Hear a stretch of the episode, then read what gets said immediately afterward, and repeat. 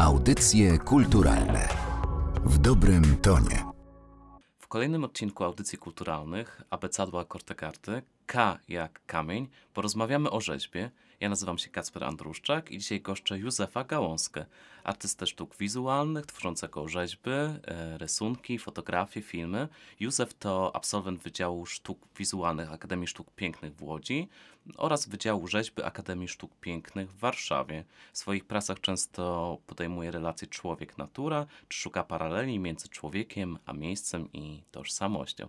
Cześć Józef, bardzo dziękuję za spotkanie, że zgodziłeś się tutaj do nas przyjechać i udzielić wywiadu dla audycji kulturalnych. Cześć. Dzisiaj porozmawiamy o kamieniu. Trochę prowokacyjnie nazwałem ten odcinek w ten sposób, kajak kamień, aby zastanowić się, jak dzisiaj funkcjonuje same medium rzeźby i materiały, z których rzeźby się wykonuje. Kamień i rzeźba, tak historycznie, gdy nad tym się zastanawiamy, no to stanowi w sumie prawie że synonimy. Kojarzą nam się marmurowe rzeźby, posągi, rzeźby kamienne właśnie.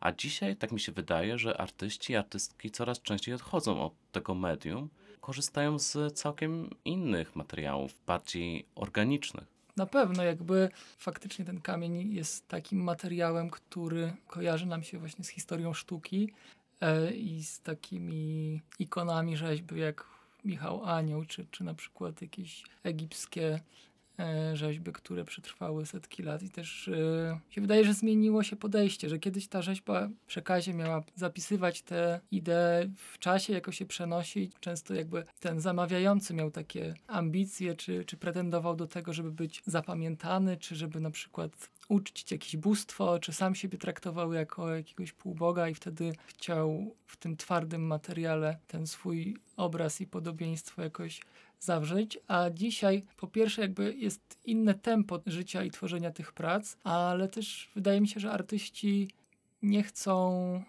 albo nie mają nawet takiej potrzeby zostawiać po sobie takiego artefaktu, że znacznie bardziej liczy się jakby taka szybka możliwość jakiegoś komentarza, stąd też ten dobór środków.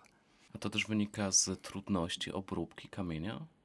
E, wydaje mi się, że tak, że jakby to wszystko się łączy ze sobą, że na przykład czas reakcji na jakieś zamówienie musi być znacznie szybszy niż kiedyś. Trudno mi sobie wyobrazić kogoś z mojego pokolenia, kto zdobyłby takie zaufanie jakiegoś zamawiającego, żeby na przykład móc realizować przez kilka lat jakąś rzeźbę i przeżyć jeszcze w tym czasie, więc jakby dzisiaj termin realizacji to jest kilka miesięcy. Zamówienie na przykład na jakiś festiwal, czy jak na jakąś wystawę konkretną przez instytucję. No i jakby to też wymusza modyfikację tego procesu.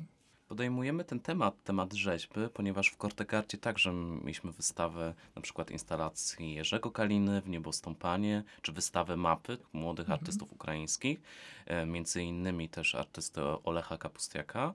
Raczej nie korzystasz z kamienia, twoje prace oscylują wokół takiej intermedialności, intertekstualności, szukasz jakichś takich powiązań i skojarzeń, jak na przykład praca Życie Drzew. Praca, która powstała na przedostatnim roku moich studiów na Wydziale Rzeźby. Koncepcja tej wystawy była taka, że były tam dwa ważne wątki, bo jedna to była taka, że rzeźbiarze z Akademii Sztuk Pięknych stali się mm, rękami dla członków grupy Nowolipie, osób chorych na stwardnienie rozsiane, których marzeniem było zrealizowanie rzeźby w drewnie, a ze względu na pewną słabość, która nie pozwalała im na przykład trzymać dłuta i młotka, postanowiliśmy pracować w zespołach, a efekt naszej pracy, żeby jakby pozbyć się takiego kontekstu y, bardzo galeryjnego, postanowiliśmy zaprezentować jakby te drewniane rzeźby w Puszczy Białowieckiej. To był też ten okres jakby tych y, intensywnych wycinek w puszczy, więc to był też taki gest jakiegoś poparcia i szacunku do lasu, że postanowiliśmy jakby oddać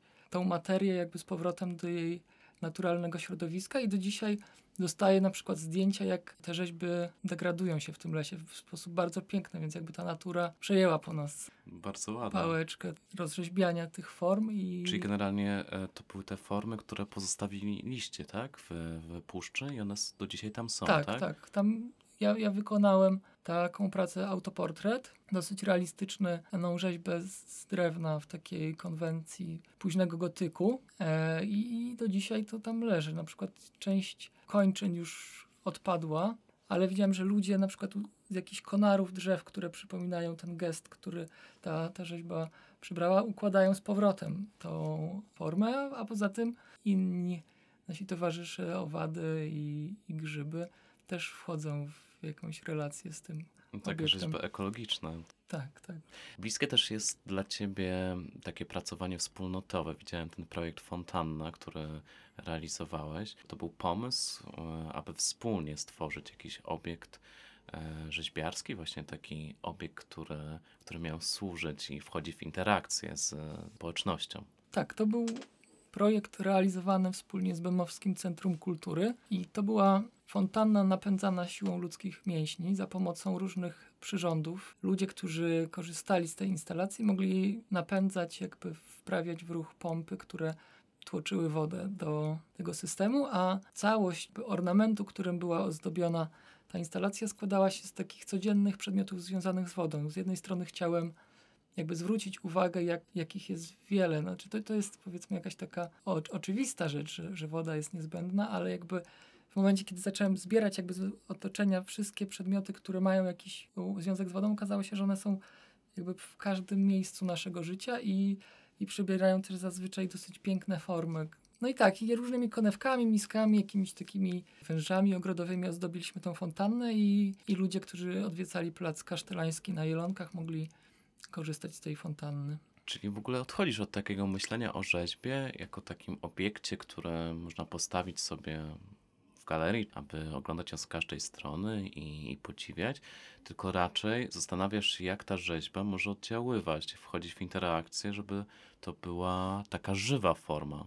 Tak i nie, jakby lubię takie konserwatywne podejście do rzeźby, jakby w którym można bardziej jakby pracować nad swoją relacją z tym dziełem, nad warsztatem i, i na przykład e, sprawić komuś taki prezent, potem obcowania e, z tym dziełem, ale również też szukam takich działań, w których ta rzeźba może faktycznie gdzieś e, wejść w tą relację taką społeczną.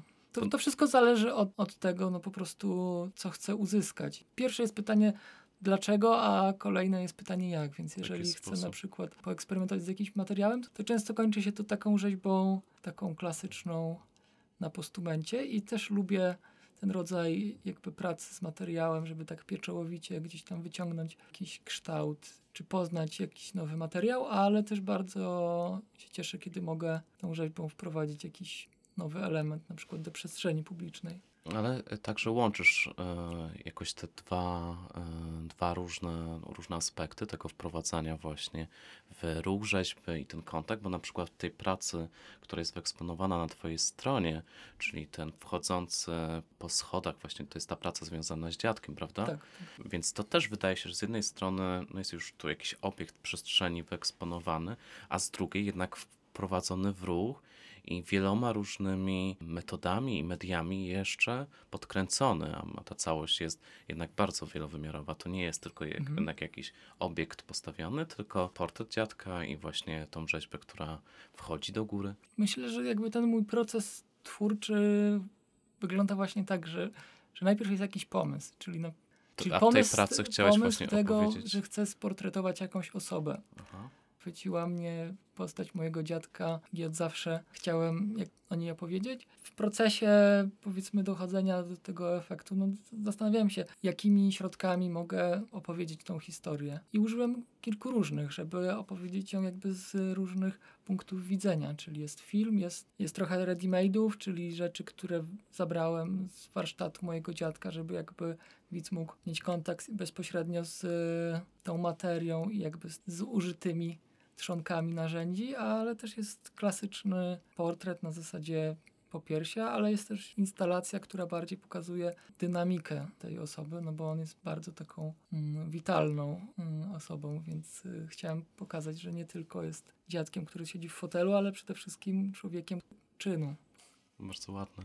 Zastanawiam się, czy, czy masz artystów i artystki, którzy Ciebie inspirują. Czy bardziej myślisz tematami, które chcesz opowiedzieć, czy raczej szukasz jakichś takich inspiracji w tym, w tym co Cię otacza, czy może właśnie w działaniach innych artystów?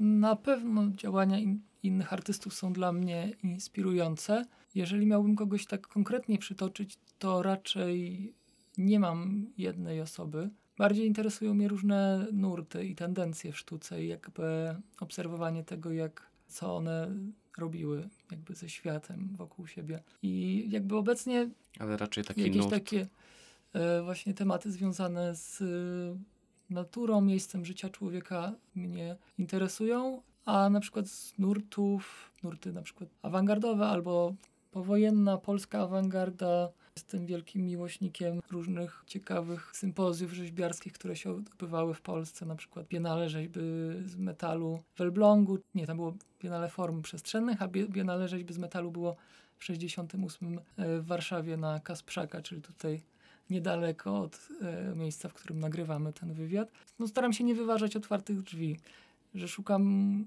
jakichś zjawisk, które uważam, że można by dzisiaj zastosować, żebym ja miał jakąś radość z tworzenia, ale też żeby to było z e, korzyścią powiedzmy taką społeczną. Więc teraz na przykład w ramach takiego festiwalu relacji organizowanego przez MIG e, będę tworzył rzeźbę na osiedlu Służew nad Dolinką jako taki dar dla mieszkańców i to będzie rzeźba ze stali, rzeźba taka plenerowa. Jeszcze Gdzieś w okolicy Służewskiego Domu Kultury?